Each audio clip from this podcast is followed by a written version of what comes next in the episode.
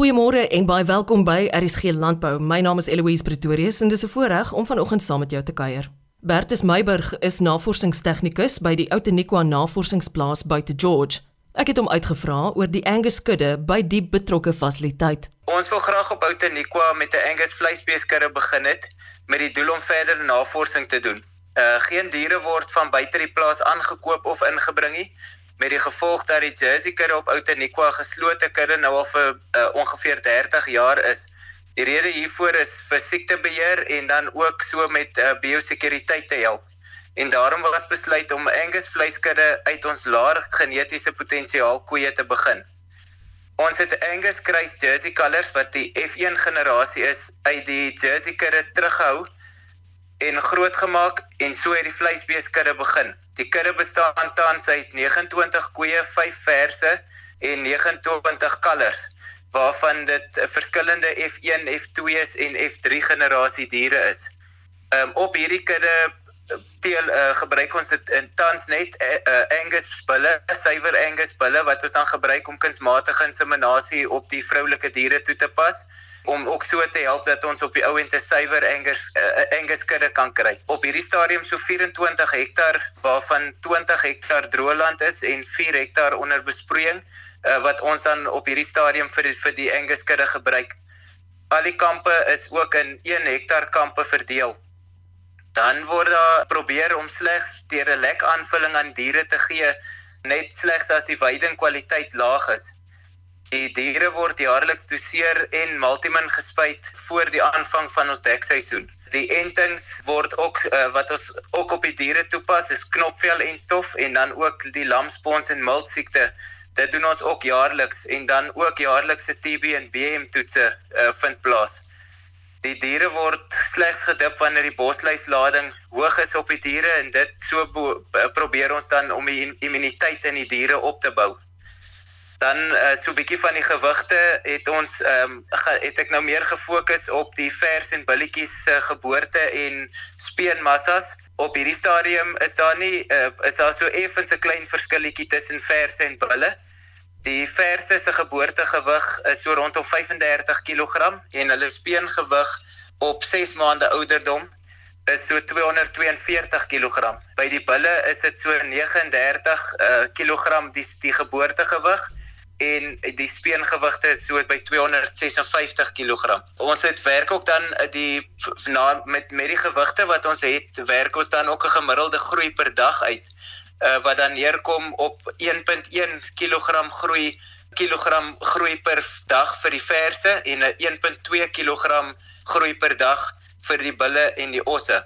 Ons koeie gewigte het ons so 'n bietjie gaan kyk na die F1, F2 en F3 generasies op verskillende uh, jare ouderdomme. En wat interessant is, um, ons het 'n vermoede dit gaan omdat ons nie uh, genoeg getal diere het nie, maar op hierdie stadium lyk dit of die F1s, F2s en die F3s uh, op dieselfde jaar ouderdomme omtrent baie baie min of meer dieselfde gewigte ook het ek gaan nie baie op die gewigte op die koeie ingaan nie behalwe dat ek nou oor die algemeen sommer net so 'n paar gewigte gaan gee uh, op die verskillende ouderdomme. So uh, ons het ons 1 jaar oud diere, dis nou F1s, F2s en die F3s se gemiddelde wissel so tussen 350 na 380 kg uh, kilogram op 2 jaar eh, is dit so rondom 425 kg en op 3 jaar so 500 kg. So dit wys net vir ons hoe die gewigte dan toeneem oor die jare. Uh, op hierdie stadium het ons dan ook ons 6 6 jaar oud diere se gewigte is dan so rondom 550 kg. En dan as ons so 'n bietjie wil ek so 'n bietjie gesels oor die uh, toekomstige navorsing wat ons met hulle beplan wat wat vir ons baie interessant is en wat ons graag die uiteinde wil wil sien van dit is dat ons op hierdie stadium 2 hektaar van die besproeide kampe geplant het met 'n mengsel van plantaan en klawers en die ander 2 hektaar wat ook onder besproeiing is, het ons eers lucering ingeplant en daarna ook 'n mengsel van plantaan en en klawermengsel wat ons dan binne in die lucering ingeplant het. Uh, idee is dat die 29 kalvers wat tans in die kudde is, wil ons graag hulle gewigte of ons is besig om hulle gewigte te monitor en dit gaan ons doen tot op speen wat 6 maande ouderdom is waarna ons dan gaan kyk na die gemiddelde daaglikse groei en dan volgens dit gaan ons hulle eweredig in twee groepe van 12 na 14 diere elk indeel. En dan elke groep gaan basies dan nou twee van hierdie 1 hektaar kampe het wat ons dan die groepe ehm um, wat hulle gaan roteer binne in hierdie twee 1 hektaar kampe. En dan die doel hiervan is om hulle af te rond uh, met minimum aanvulling op hierdie op hierdie op elkeen met sy 2 hektaar kamp. Die gewigte gaan weer eens gemonitor word vanaf speen tot en met gereedheid vir afronding en dan bepaal ons wil dan bepaal hierdeur dat om te kyk of ons die massa toename van 1.5 kg per dag groei van vanaf speen tot en met die afrond kan bereik en dit op die aangeplante weidings onder besproeiing. Die afgelope 2 jaar was die speenkalfprys uh, baie hoog geweest Ehm um, so dit dit dit was is eintlik makliker om die diere op net op speen dan te verkoop eh, indien die prys hoog is.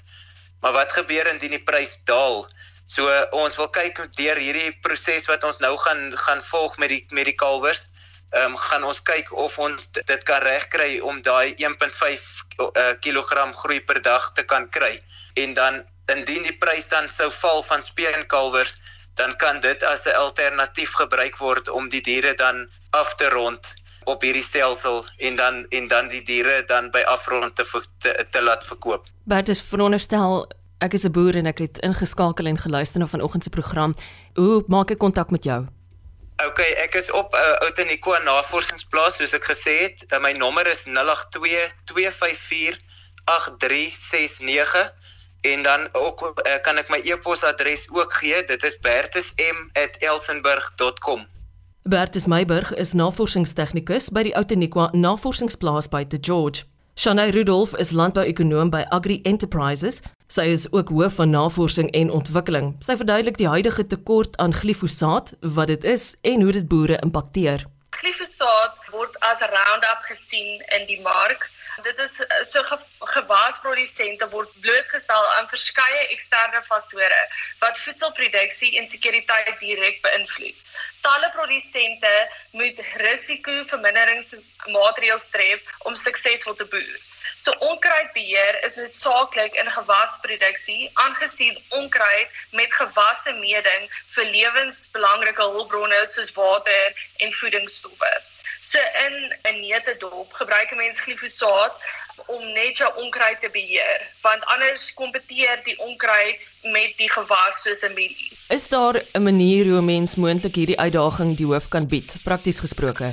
Ja, so op die oomblik is daar daar is um alternatiewes, maar hulle het ander samestellings en hulle is nie so effektief soos glifosaat nie en ook hulle kan um suurstof gebruik, maar as gevolg van die pandemie wat nou aangaan, mag ons die suurstof op die lande gebruik. Shanay, kom ons praat oor die toekoms van diesel.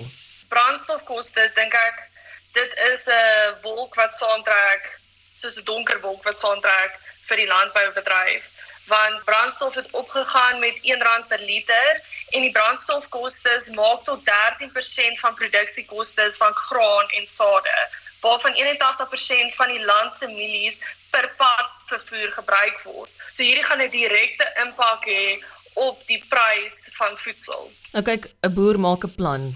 Wat sou jou aanbeveling yes. wees doen ons in hierdie omstandighede? So op hierdie omstandighede is daar alternatiewe, maar die probleem is die tekort aan die vraaghouers wat um internasionale invoer inbring. Soos China verskaf 60% van die glifosaat en Amerika verskaf 40% van die glifosaat.